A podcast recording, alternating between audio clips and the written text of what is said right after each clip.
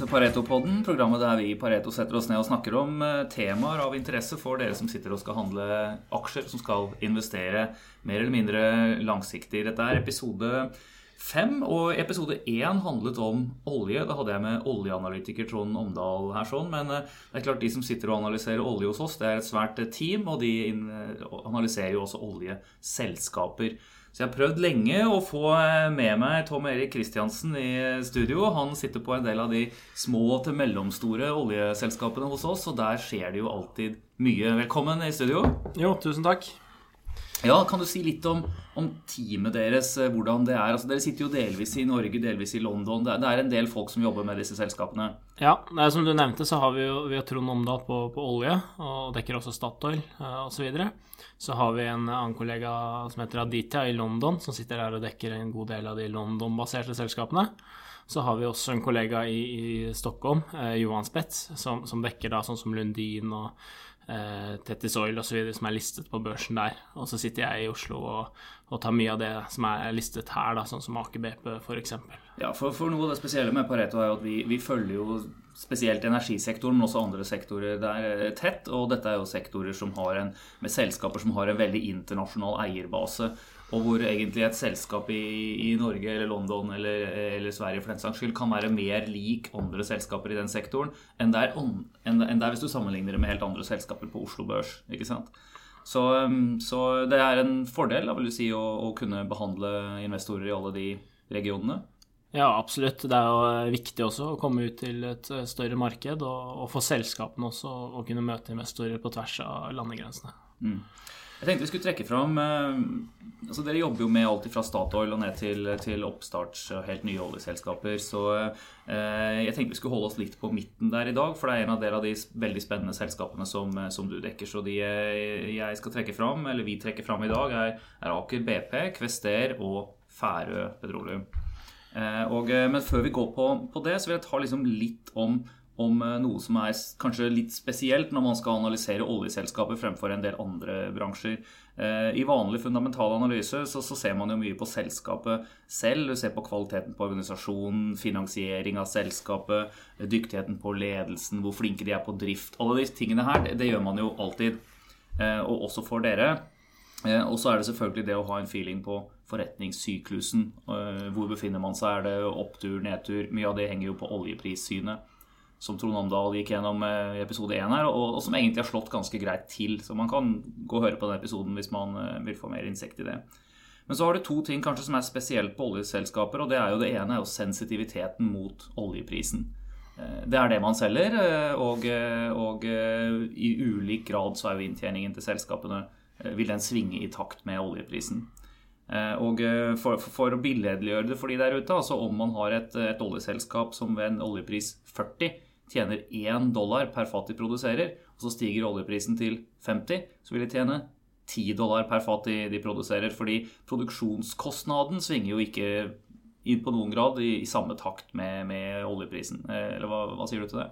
Jo, det er eh, riktig, det. Så du vil jo få en det ser man jo i flere av selskapene og casene som man også har fått en delvis reprising på allerede, nå med høyere oljepris og bedre utsikter etter OPEC-kuttet enn man hadde tidligere. Ja, for Det er litt sånn høyvannet løfter alle båter eh, på det der eh, at, Ja, det blir jo det når markedsforventningen på oljepris eh, endrer seg, og da, da får man jo også eh, selvfølgelig disse mer kalde girete spillerne, eller de, de, som har eiendeler eh, som var marginale på en lavere oljepris, som nå plutselig er lønnsomme og, og, man kan bygge ut. Og... Ja, for det er også en viktig faktor, og det var den siste jeg tenkte jeg skulle nevne, dette med uh, opsjonalitet. eller altså, Her kommer jo opsjonsprising egentlig inn, altså at man har muligheter til å gjøre uh, ting med eiendeler man har, eller rettigheter. Eh, men som, som, kan ha mer eller mindre eh, nullverdi per nå rent økonomisk. Altså, for å sammenligne med, med, det jeg sa på oljeprissensitiviteten, da, la oss si at oljeprisen er 40, og du har et, eh, et oljefelt som ikke er lønnsomt å bygge ut før oljeprisen er over 50. Men så vil jo da når prisen beveger seg oppover, så vil den latente verdien av det feltet stige betydelig. Og er oljeprisen 60, så er det plutselig kjempelønnsomt. Eh, og, eh, og, eh, en del oljeselskaper de sitter jo på, på, rettigheter. De sitter på prøveboringer, de sitter på seismikk. ikke sant? Og hvorvidt man da skal gå inn og begynne å gjøre disse tingene, det er, det er en interessant vurdering. og Særlig rettigheter til, til, utvinning vil jo innebære en, en opsjon. ikke sant? Og I finansteorien så er det jo flere ting som påvirker en opsjon. Det ene er jo liksom hvorvidt den er in the money eller ikke, altså om feltet er lønnsomt å bygge ut der det er nå. Og så er det jo lengden på opsjonen. Hvor lenge har man en sånn rettighet, typisk. Og så er det jo hvor mye oljeprisen svinger, altså, eller den, den type ting. Så det er jo blant de hovedfaktorene. Eh, og, og, særlig på en del mindre oljeselskap, kanskje det midterste av det vi skal snakke om i dag, Kvester, så er jo det veldig tydelig og også veldig noe av det som vanskeliggjør kanskje en, en fundamental analyse, eller gjør den mer komplisert da, å forklare for, eh, for, investorer. Ja, du kan jo få en høy sensitivitet der. Det er typisk sånn som man ser Kvester også. Litt sånn som man ser på US Shale som kanskje det beste eksempelet. Hvor du ser fallende produksjon og, og eh, lav, eller kall det negativ lønnsomhet på 40 eh, dollar eh, olje f.eks., hvor man da, eh, når oljeprisen nærmer seg 60, nå ser at riggkanten kommer opp igjen og at aktiviteten øker. Det er jo mm. fordi de nå da tjener penger av å sitte i kallet gjennom nedturen for de som har klart det, og bare prøve å, å overleve, egentlig, helt til man da nå kan investere med, med god return igjen overraskende mange har jo klart seg gjennom jeg tror, jeg tror kanskje når man så hvor, hvordan oljeprisen falt, at man hadde trodd det skulle være enda flere konkurser. Det er jo ingen som sier det har vært lett i denne bransjen her sånn nå, men, eh, men, men mange av spillerne har jo klart å, holde hodet over vannet og er eh, posisjonert for å, å delta på opptur nå igjen. Ja, absolutt. Og det er jo eh, i MP-sektoren generelt en fordel de har, kan du si, eh, er jo det at når man da får en oljeprisnedtur, så har de en opsjon da hele veien egentlig på, på strupe investeringer, og det har man jo skjedd at, sett at det har skjedd. Eh, og da eh, blir jo det veldig positivt for egen cashflow på kort sikt. Eh, så da klarer du på en måte å komme deg gjennom det. Og så er det negativt for oljeserviceselskapene i andre enden. ja, så blir de selvfølgelig veldig skviset. Ja. Eh, og så blir jo produksjonsprofilen og, og reserve replacement uh, ratioen, uh, altså hvor mye du finner i forhold til hvor mye du produserer, selvfølgelig dårlig i de scenarioene. Det har man også sett de siste par årene. Så det er jo noe som vi kanskje forventer nå at kommer tilbake, og at det blir mer fokus på også blant oljeselskapene. At man går rett og slett fra å det overleve uh, til nå å se etter nye muligheter og, og vekst mm. og lønnsomhet der. Ja. Og eh, Her vil det jo også være en del mindre selskaper som kanskje er mer opportunistiske og starter med dette tidligere, mens man vel på de større selskapene fortsatt har sett at man er, eh, man er fortsatt på, på, veldig brems på investeringene, og man selger unna en del eiendeler og den type ting. Og, og det tenkte jeg kunne være en grei intro også til, til det, det, første caset vi skulle snakke litt om i dag, som jo er et selskap som i løpet av de siste årene har gått fra å være en, en relativt liten spiller til faktisk å bli det du kan kalle mid-size. Mid, mid Eh, og det er jo Aker eh, BP, som tidligere het Det Norske. Ja. Eh, og som jo nettopp gjennom å kjøpe eiendeler fra veldig store spillere som har ønsket å rydde opp i sin portefølje, har sikret seg gode felter. Aker BP, analysen, siste analyseaksjon her var det 'Higher dividends, more M&A ahead'. Altså her er det et selskap som begynner å generere en del, en del cash, og som, og som utnytter muligheter på norsk sokkel. Ja, det er helt riktig. De har jo hatt egentlig en fantastisk reise over det siste året før det. De gikk jo Eh, hvis man skal ta litt historien på selskapet, eh, gå tilbake til da de fant eh, Sverdrup, så var det jo egentlig et selskap med et letefokus og, og den eiendelen. Så kjøpte de jo Marathon Oil Norge-porteføljen i 2014, mm. egentlig rett før oljeprisen falt og osv. Der har de jo levert veldig sterke resultater på produksjon, som vi kan komme tilbake til.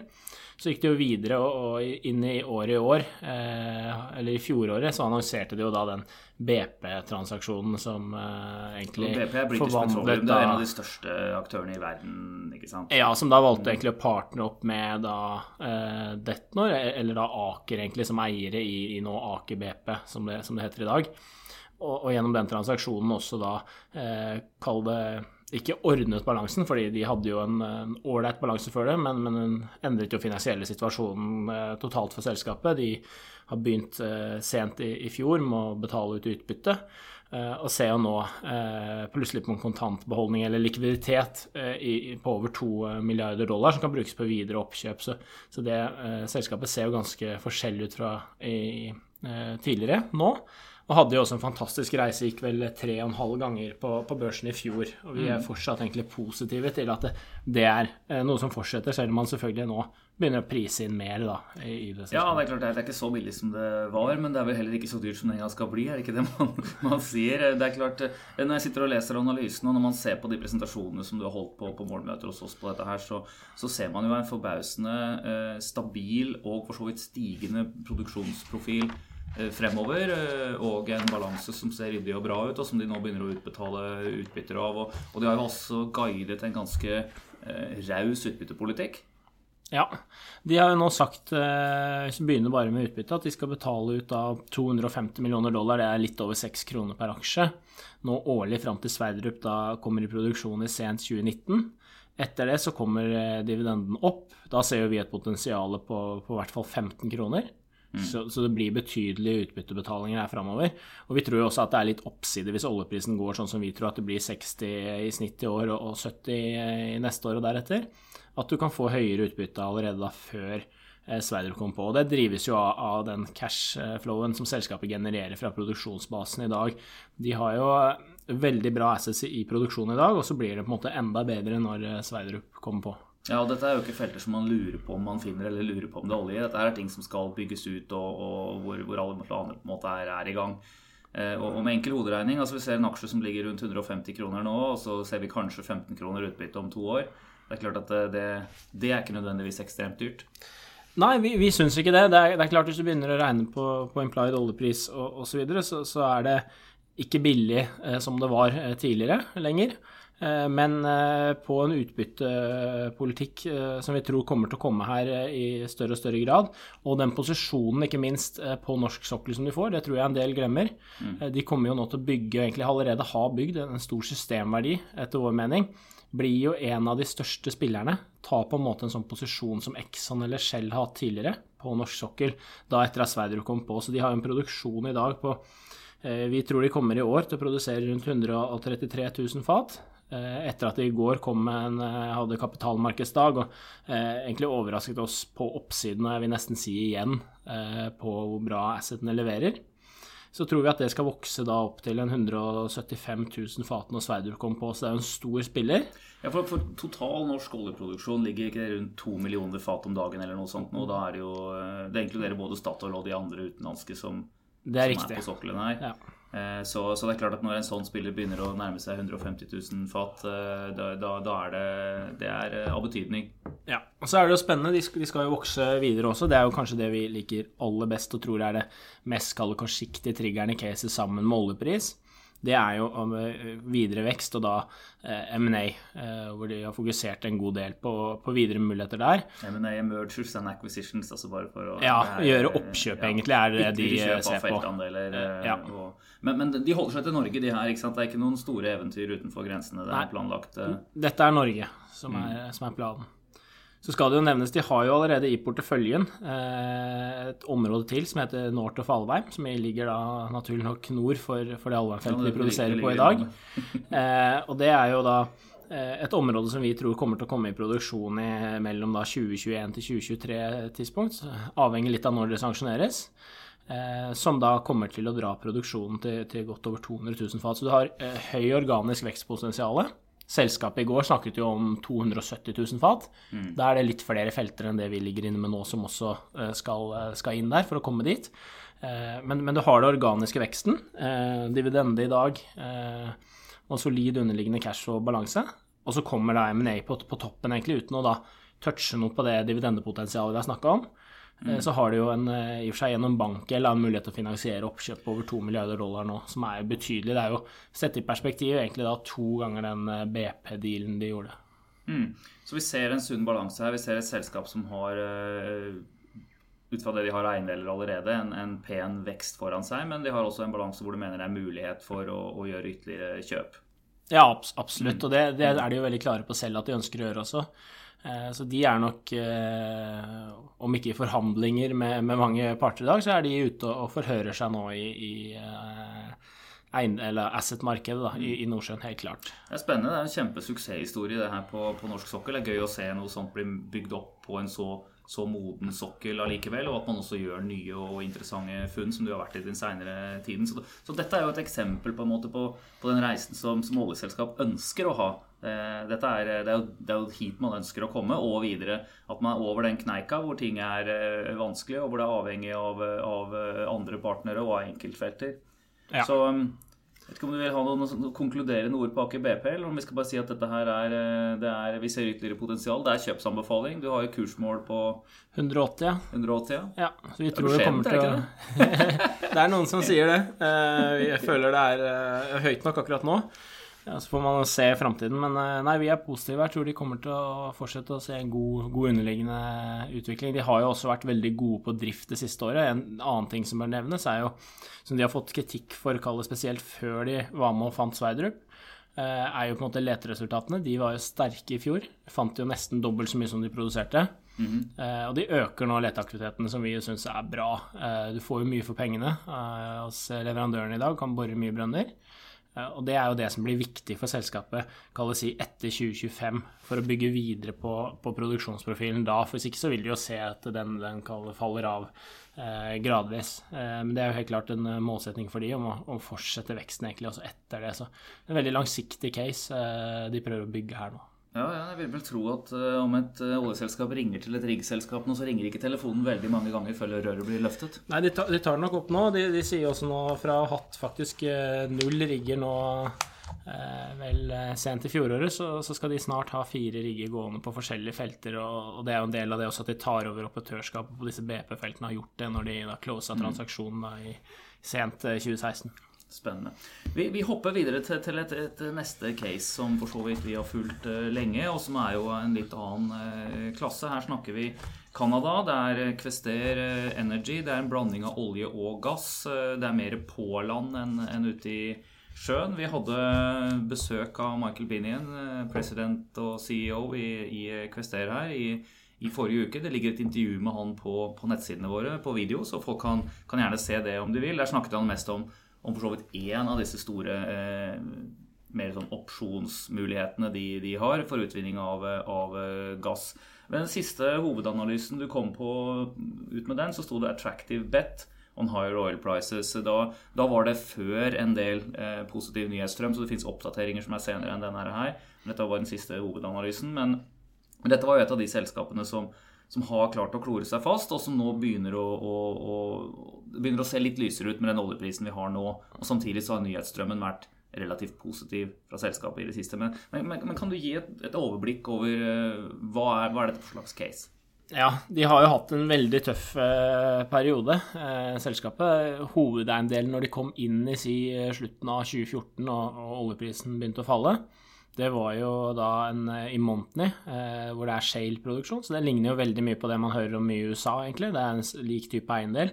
Eh, veldig bra lønnsomhet eh, i dag, da, etter at Costa har kommet ned på si 60 dollar eh, brent oljepris. Og på 40 dollar så, så, går det egentlig ikke noe særlig rundt. Og i hvert fall ikke hvis du er en liten spiller med høy kapitalkostnad og, og litt sånn eh, begrenset finansieringsmulighet. Så de, de, har vært igjennom en veldig tøff periode. Eh, kommer nå egentlig ut av det med to veldig interessante eiendeler. De har klart å holde på de viktige posisjonene sine. Da er det det jeg nevnte, Monten i, i Canada, som er en shale Det er midtre, vestre del av Canada, ikke det? Mm. jo. hvor de da har ganske stort areal, som nå da er i den fasen hvor du kan på en måte bygge ut det videre, eh, drevet av høyere oljepris. Så, så, de snakker jo nå om at de har en, eh, en IRR, da, eller en avkastning på, på, investerte penger, på 25% på nye brønner nå, hvis, hvis oljeprisen er 60, da. Eh, det er klart Vi er ikke helt der ennå, men det er ikke så langt unna. og Selskapet er nok eh, i den fasen hvor de i hvert fall planlegger for, for et sånt scenario. Eh, investeringene er jo veldig fleksible her, mm. eh, i og med at du egentlig bare bestemmer da om skal vi bore eller ikke, og så går du i gang og så borer du en brønn. og Hvis oljeprisen faller, så kan du ta en pause osv. Så videre, sånn som du ikke kan i Nordsjøen. Det, det kan du gjøre her. Eh, så de, de, har høy fleksibilitet, men er nok i en fase nå, eller en modus, hvor de, de ønsker å vokse produksjonen. Og som Binjen nevnte hos oss, ser jeg for seg egentlig med boreprogrammet i år å doble den. Gå fra 1000 til 2000, og så er det jo eh, stort videre potensial i det, det området. Eh, ikke noe i veien for å se at de kan komme til 10 000 fat der eh, på 3-5 års sikt eh, med en stigende oljepris. Ja, Det var et par ting som han nevnte her også. Det, det, ene er jo at eh, det har vært eh, Det er flere som borer rundt i området der sånn, som også har veldig gode brønner, veldig gode boreresultater. Det andre var jo at eh, effektiviteten på boring eller altså, har forbedret seg betydelig de senere år. Og det skyldes jo ikke minst kanskje den store satsingen på det her, både i USA og Canada, som har gjort at, at, selskapene som driver med det, rett og slett lærer, og at kostnaden på utstyret kanskje kommer noe ned. Eh, så, så, så det, er jo, det, er jo, bra. Men dette er de tradisjonelle eh, brønnene deres ikke sant? som tar opp både noe olje og noe gass. Ja, det er ca. 50% olje, så det blir jo hovedparten av verdien i de brønnene. Og egentlig da å kalle det oljeprisspillet i, Kvester. Mm. Så har du jo en annen eiendel i tillegg. I Hvis vi tar først ja. bare det, den, den, oljebiten. Før oljeprisen begynte å falle så mye, hva var, hva var verdsettelsen av disse eiendelene her, da, om, om, man kan sammenligne det i det hele tatt? Det er, jo, det er jo veldig tøft å sammenligne. Jeg tror du da verdsatte Montny alene eh, for en sånn 10-15 kroner per aksje. Det var røftlig det, det, terrenget du var. Eh, det, da snakker vi en 110-100 dollar oljepris, og så en helt annen kostnadsbase, som du var inne på. Det er jo det som har vært det store for disse selskapene, og som har gjort at de, de, de fleste har overlevd og kall det i dag har en veldig interessant posisjon, er jo nettopp det at de har klart det som man har sett i USA. Da, så, Effektiviteten går eh, ekstremt opp. Mm. Og det har jo også blitt tvingt fram og sikkert gått enda fortere pga. den nedturen. At her har man jo blitt nødt til å kalle snu seg rundt og, og, og eh, kutte kost, rett og slett, på hele operasjonen. Så det går mye fortere, og de, de, eh, de borer lengre for mindre kost enn tidligere osv. Så, videre. så Så det er trend man har sett. Det fortsetter jo egentlig i dag. Blir jo veldig spennende. og Kan til og med si viktig for oljeprisen globalt, liksom hvor det ender og, og, og, hva som blir kosten når de skal begynne å bore litt mer enn bare det aller, aller beste de har. Det mm, gjelder jo også for Kuster. Ja, ja. Så Det er jo et av temaene som vi har oppe litt i, i oljeprisdiskusjonene. Det er jo liksom hvor mye skal den stige før man begynner å se en betydelig økning i amerikansk olje igjen. og det, det, er, eh, det, er, en diskusjon for seg selv. Vi, vi, og de fleste andre tror jo at, eh, at shale blir den nye svingprodusenten i, i, verden, eh, og at den produksjonen skal betydelig opp. Men allikevel, så, så for å gjøre det, så må, må, man ha høyere oljepriser. Men, men Kvester de har fått beholde altså de har lisensene på det samme landområdet omtrent i Montney som det de hadde ja, omtrent så har de beholdt egentlig det samme og sittet gjennom krisen uten, uten å gjøre altfor mye. De har selvfølgelig boret noen brønner eh, osv., men prøvd å da mer passe på kapitalen sin eh, og, og, komme seg gjennom dette. Uh, og kuttet da investeringer ganske drastisk og er liksom switcher nå tilbake til en annen modus, da. Men i dagens scenario, hva er det du prissetter den eiendelen i Kvester til, cirka, i analysene? Etter at vi trekker fra, fra nett og gjeld og, og, og, også en rabatt for andre kostnader, altså typisk sånn overhead, så kommer vi til at den er verdt rundt tre kroner i dag. Og så syns vi at det på den verdsettelsen nok er, er mer oppside enn nedside nå som man får litt drag i oljeprisen. Det er jo den opsjonaliteten du snakket om i starten, hvor du går fra at man kanskje nå, og mange analytikere har begynt å se på liksom det bedre området og se hva er det verdt, og, og, og, da sagt at de andre områdene ikke er verdt så mye, eller ingenting, til nå at vi også da må kanskje ta inn over oss at en del av de litt mer eh, tidligere tvilsom, lønns, tvilsomme lønnsomhetsområdene kan være lønnsomme igjen, da. Eh, mm. Pga. disse besparelsene og, og høyere oljepris. Så, så mer oppside enn nedside på det, men da kommer vi på tre kroner per aksje på det. Så skal det jo sies også, som vi er positive til der, på litt uh, kort sikt, kommer jo en reserveoppdatering der i, i mars i år. Uh, mm. Den tror vi blir ganske bra. Ja. De har jo nå uh, levert på brønner siste året bedre enn forventet.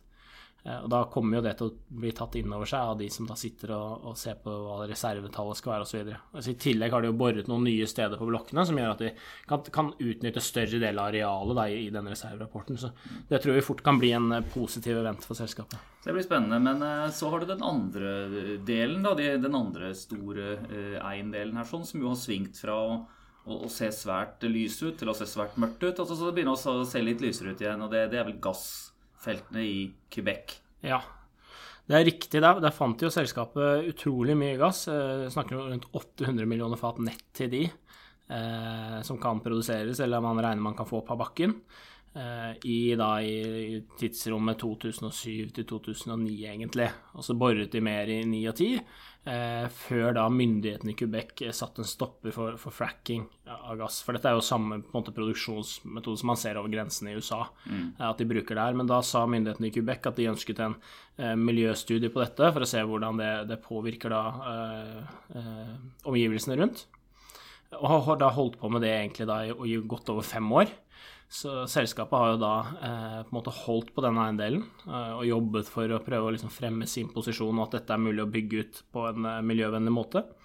Og nå fått gjennomslag for det egentlig gradvis gjennom eh, året som gikk, hvor man da så først eh, på midten av sommeren at de kom en ny eh, energiplan, de lokale myndighetene, fram til 2030. Mm. Hvor det var selvfølgelig mye fornybare ressurser osv. som skulle bygges ut, men at man også så et behov for å eh, produsere olje og gass lokalt. Da skal man sette i perspektivet her, er selvfølgelig at, at regionen i dag er en stor importør Eh, så det er jo på en måte et valg om du skal produsere lokalt eller ikke, men du bruker jo mye av denne gassen uansett. Ja, for i Norge har jo, eh, kan det kanskje med fordel bli minnet på det av og til, eh, at for de fleste land her i verden så må man kjøpe olje og gass. Det er energi man Og dette er ting du, du, er nødt til å skattlegge befolkningen din for å kunne kjøpe inn dette her, og for å kunne forbrenne det til, for å få energi. Så det er jo et ønske lokalt i Canada når man har store gassressurser, å faktisk få utnyttet de selv, sånn at man i stedet for at det blir en kostnad, så blir det en inntekt. Det er et stort skifte på, på, på de offentlige balansene der. Ja. Så er det bare snakk om om man kan få sosial aksept da, for at dette skal, skal, gjøres, og i så fall hvordan en utbygging vil, vil kunne foregå. Ja, så det, det, er jo det spennende videre. Skal bare nevnes at Sent i fjor så kom jo myndighetene da også innført et nytt eh, lovverk, som egentlig nå da åpner opp for Kvester for å sette i gang med, med boring osv. Etter at det da reguleringer har kommet på plass. Det tror vi at, eller man har et håp om at det, det er noe myndighetene skal, skal, få på plass før sommeren, egentlig. Mm. Og så kan man begynne å planlegge et sånt pilotprosjekt som man kaller en, kaller en liten utbygging, for å teste potensialet. Og det viktige for det selskapet da blir jo selvfølgelig å klare å bevise at den, de framskrittene man har gjort på boreteknologi, produksjonsrater osv. i USA, eh, på det samme geologiske området, egentlig, eh, da også fungerer i Quebec, og at du kan komme med, med, bedre produksjon. For gassprisene har jo, har jo falt i mellomtiden. Mm. Men, men, da le, levere på det. Og, og, da forventer man jo god lønnsomhet her, så vi, vi tror at dette er veldig attraktive felter å, å bygge ut. Basert på da, en forventning om at du kan ta mye av den læringen du, læringen du har hatt i USA, og over grensa, og egentlig sette i gang her og få god lønnsomhet med en gang. Gasspriser er jo også et tema her. fordi at uh, i, i, USA så har det til tider vært overskudd av gass, nærmest. Og man har sett i gang med å uh, Terminaler som ble bygget for å importere gass, har jo nå blitt brukt til å eksportere gass, faktisk. Ja. Det er jo en av de store driverne bak disse LNG spillene som man har innenfor for shipping nå. Men, men uh, dette her er jo litt lenger nord. De har vært en importør av, av gass. Og ut fra det vi har får høre, så, så, har de jo et lokalt gassmarked der som, som, uh, som, ligger med priser noe over det som er den kvoterte Henry Hub, som den kalles. er et, et, et område i USA. En kvotert pris, en referansepris der. Så har man ikke Henry Hub minus et eller annet, men det er Henry Hub pluss. Eh, ja. en, eh, en, faktor. Det er, det er, riktig. Det er jo i dag vel over én dollar per MCF, eller cubic feet, med, med Kubikkføtter. Ja, med, med, med, gass. Så det er jo noe vi tror kommer litt ned hvis lokal produksjon kommer opp. Men, men her kommer man til å selge gass til premium egentlig hele tiden. Og det er jo man kan jo egentlig da bare se Henry Hub-prisen og så se hva det koster å transportere det til Quebec. Det er jo en god avstand. Så, mm. Så, det er det man egentlig da klarer å ta ut i, i ekstra margin uh, på produksjonen. Det viktige, som du nevnte innleggsvis her nå, er jo i tillegg da til reguleringer, uh, når de da skal begynne å planlegge det pilotprosjektet at de også da får eh, aksept fra lokalbefolkningen. Det er jo noe QSD selv også er veldig opptatt av nå, at selv om man har fått på plass en lov og egentlig kan eh, kalle presse gjennom at man skal gå og bore, eh, så, har de sett og erfart da historisk eh, hva som fort kan skje da, hvor politikerne fort kan, eh, basert på at befolkningen eh, er skeptiske, også endre mening. Mm. Så, så, det de ønsker nå da, er jo å også sikre seg den støtten de, de trenger. Så syns jeg et par viktige poenger å nevne der, det er jo dette er jo noe de hadde tilbake i, i 2009-2010 når de boret av. Og at det er en del av disse områdene eh, som, hvor det er, bor relativt lite mennesker, og, og hvor dette her er en, også en mulighet til å skape arbeidsplasser og, og egentlig en helt ny industri. Eh, man skal jo ikke bore på en måte i Quebec by, det er jo eh, ganske langt unna der mm. eh, hvor mye av dette området ligger. Også der de har hatt best boreresultater før. Så, så, vi tror at det kommer på plass, og vi tror at reguleringen kommer på plass, men det er klart det er, det er høy usikkerhet ennå. Vi har et urisket potensial. Eh, på en måte Hvis alt går rett vei, så havner du der. Eh, på 20 kroner per aksje, eh, eller nesten det, eh, på denne eiendelen. Men har jo da bare i, i, vårt kursmål på 9 kroner i, dag tatt med 6 kroner av det. Så, så, på en måte en sånn Ja, for man vet jo rett og slett ikke når, man vet ikke hvor mye, og man vet ikke heller hvor alt, alt kommer til å koste oss. Og så er det én faktor som som kanskje ikke alle som uh, følger med på caset, har, har uh, helt foran i, på, på, arket, det er jo at mange av disse feltene er det ikke Kvester som er operatør på. Altså det, er, det er Repsol, som jo er et, et annet stort oljeselskap, som, eh, som, som, vil være den som tar investeringsbeslutningen, ikke sant? Og, og, og på en måte setter tidslinja og omfanget for, for en slik utbygging. Ja, det er jo helt, helt, riktig. Det blir jo veldig interessant å se nå, egentlig. Spesielt kanskje etter at reguleringene kommer på plass. Da er jo rammeverket der. Da skal man forhåpentligvis sette i gang med et pilotprosjekt så fort som mulig. Og se da hvor villig og, og ivrig Repsol er på å gjøre det. Det er jo som du nevner et stort selskap med mange eiendeler rundt omkring. Vi tror jo at de kommer til å finne det her attraktivt, fordi at hver brønn har såpass høy lønnsomhet eh, at, at, de vil, gå i gang med dette. Men, eh, men det er klart, eh, det, er ikke et selskap man har fått noen særlige kommentarer fra enda, og det er egentlig ikke noe du forventer heller fra de store oljeselskapene. De, de, de, vil nok kunne sitte nå og vente og se at disse tingene går i orden først, før de kommer og, og, og bestemmer seg for hva de skal gjøre. Ja, for Man skal jo, man skal jo svi, svi, mens jernet er varmt, som det heter også, og, og, ta tak i disse sakene mens det nå har vært en stor debatt på det der oppe. Men det er klart, for Repsol så vil jo om man gjør det i f.eks. 2018 eller 2019 eller 2020, bety mindre enn det vil bety for Kvester. Ja, det er jo helt klart at det eh, Folk Kvester og aksjekursen der vil jo bli mye mer sensitiv til akkurat hvor fort du, du, går i gang med dette her, og når du kan håpe på brønnresultater osv. Så, eh, så det, det, er riktig. Og så må man jo da eh, bare håpe at eh, Repsol også har et insentiv her økonomisk. De er jo 75% av området. Mm at de også da ønsker å, få dette her i gang. Ja, for Også for de så er dette, dette er et stort felt og stor, potensielt stor ressurs? ikke sant? Det er jo en veldig stor ressurs her du sitter på. så Dette er jo sammenlignbart med mange av disse gassfeltene man har sett da over i USA. Mm. Så det står ikke noe tilbake for det i størrelse, og, og, sånn sett for et stort selskap også er dette veldig attraktivt, tror vi, å komme i gang med. Men man er da avhengig av å få på plass disse andre tingene først. Så eh, Noe av hoveddriverne fremover nå blir jo ytterligere nyhetsstrøm omkring Quebec-eiendelen. Men så er det da også en, en boreoppdatering på måneden Montney som vi kan forvente. Ja, en reserverapport. reserverapport ja. ja. Riktig. Så det er spennende. Dette er jo en aksje som svinger en god del, eh, så, så det blir svingninger fremover også. Men hva, er kursmålet ditt i, per nå på dette her? Vi har kursmål på ni kroner og en kjøpsanbefaling på Christer. Mm, spennende.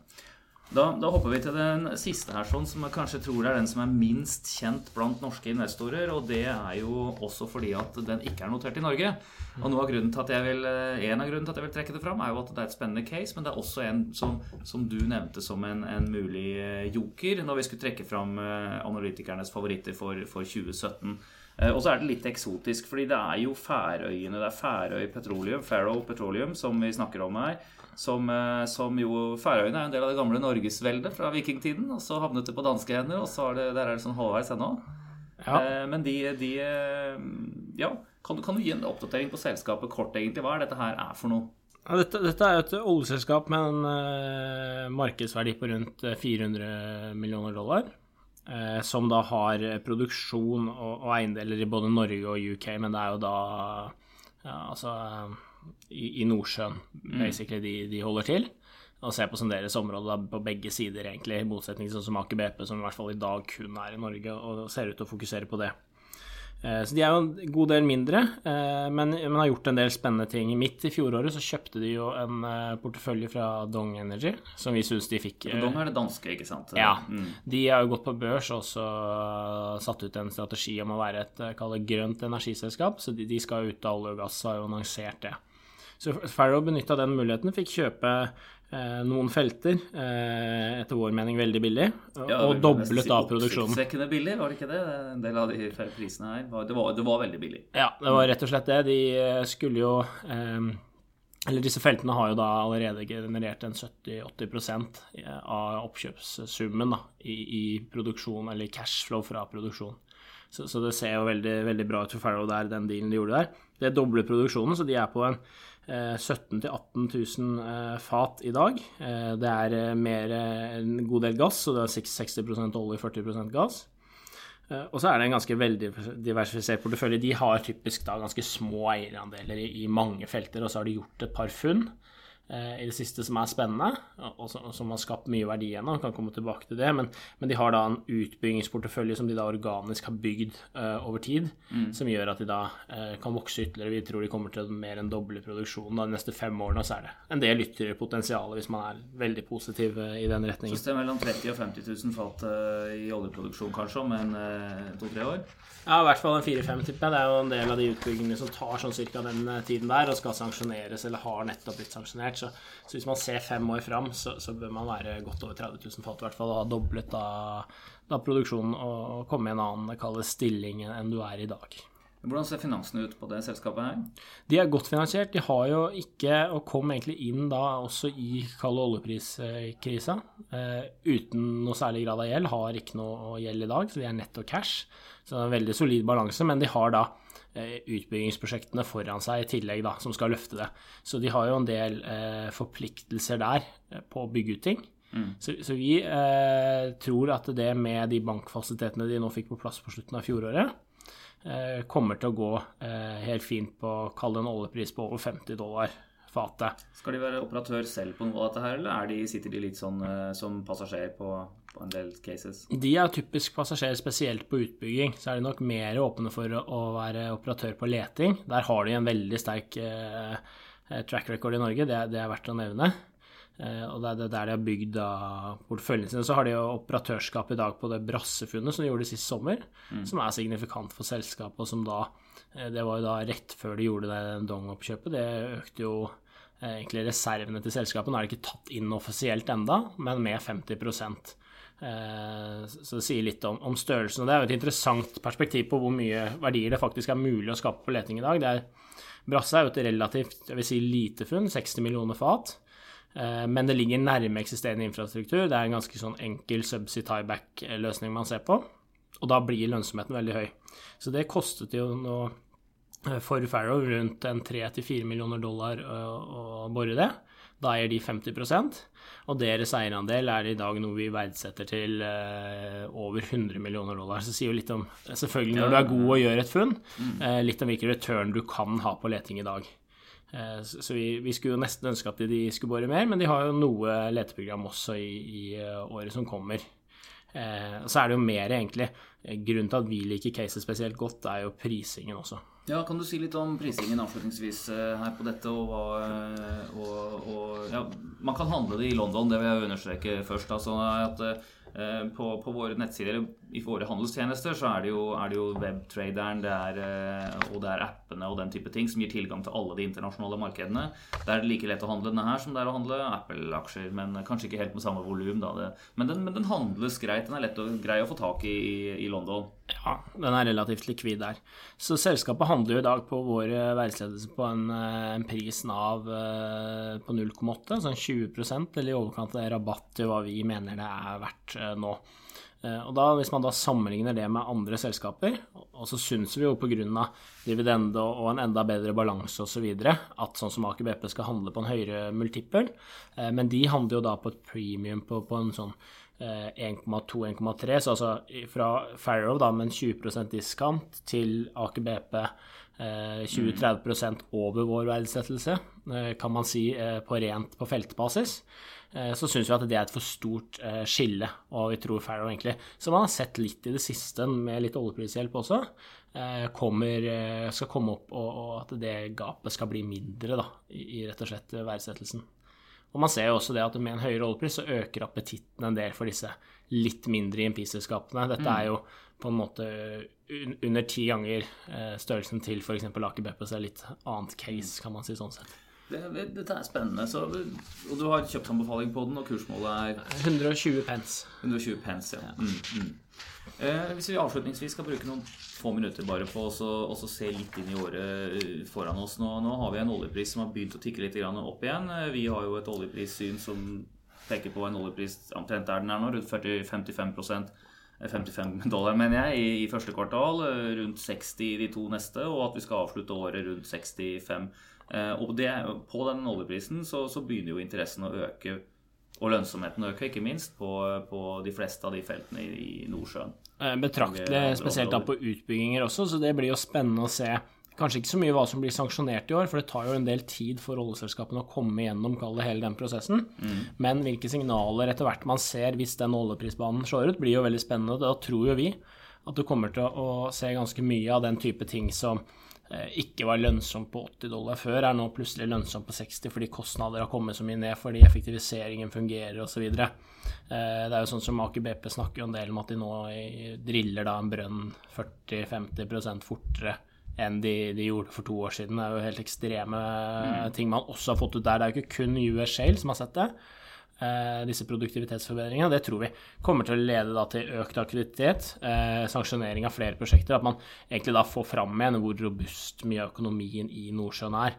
Eh, sånn som da i en, eh, et eksempel med, med Aker BP i går, Eh, snakker jo da om at de ønsker å få break-even på sine prosjekter de skal sanksjonere, på 35 dollar fatet eller under.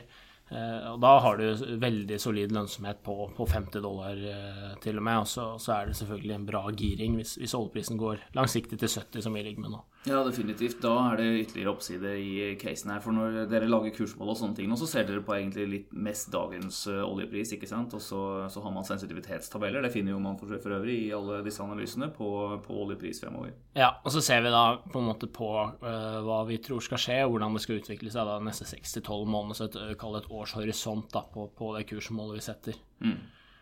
Men man skal eie litt olje? Ja, det tror vi absolutt nå. Eh, at man skal være, være, investert der, og at man er eh, egentlig forbi eh, det, det, verste. Og at det nå blir veldig spennende muligheter for oljeselskapene. De, de, kommer nå inn i en periode, tror vi, med, med god cashflow etter hvert fra produksjon fordi oljeprisen kommer opp. Og at de da også kanskje kan klare å sanksjonere en del nye utbygginger og vekst på, på et lavere kostnadsnivå. Og ikke minst, eh, som, som også blir, kall det en 60 dollar pluss-verden. Eh, Interessant å se er jo på på leteaktiviteten. Ja, så, så, langt har man jo sett at det, oljeselskapene, og det er jo basert egentlig på hvor man kanskje var for tre av seks måneder siden, allerede da sa at vi skulle ligge ca. flatt antall brønner i Norge, f.eks. Det er ca. flatt fra i fjor til i år. Kommer nok til å havne rundt der også, for det er litt sånn at hvis du bestemmer deg for å bore noe i dag, så, så kan du sikkert få det til, men hvis du kommer i kommer i august-september, så, så, blir det jo fort 2018 eh, at du faktisk starter boringen. Men når man kan se da tegn på at aktiviteten der også kommer opp, og det, det tror vi jo egentlig, fordi nettopp som vi snakka om at det er eh, en god del spennende muligheter der også. Mm. Uh, så man ser jo spesielt noen av de større, Lundin, Statoil, i år skal jo bore veldig mye i Barentshavet. Så snakker jo litt, eller peker jo litt på at de velger å gjøre det nå. Uh, at man fortsatt kan skape mye verdier der også, gjennom leting. Dette er spennende. Det er et stort tema. og Jeg eh, må si tusen takk til Tom Erik Kristiansen, som kom hit som eh, gjest i dag for å snakke oss gjennom disse oljeselskapene. Og til dere der ute. Det, alle analysene på disse selskapene ligger inne på våre nettsider. Det publiseres også en Energy Daily, en daglig rapport som tar for seg siste døgnets nyheter på, på oljeselskapene og oljemarkedet. Og det er en, ikke minst en Oil Weekly, en svær eh, slidepakke som, som lages hver, hver, uke her fra, fra oss. Og og for de som liker denne podkasten, del det gjerne med andre, eller gå gjerne inn i iTunes og, og, gi oss en positiv rating der sånn, så setter vi stor pris på det, og så lager vi mer spennende innhold. Tusen takk for i dag.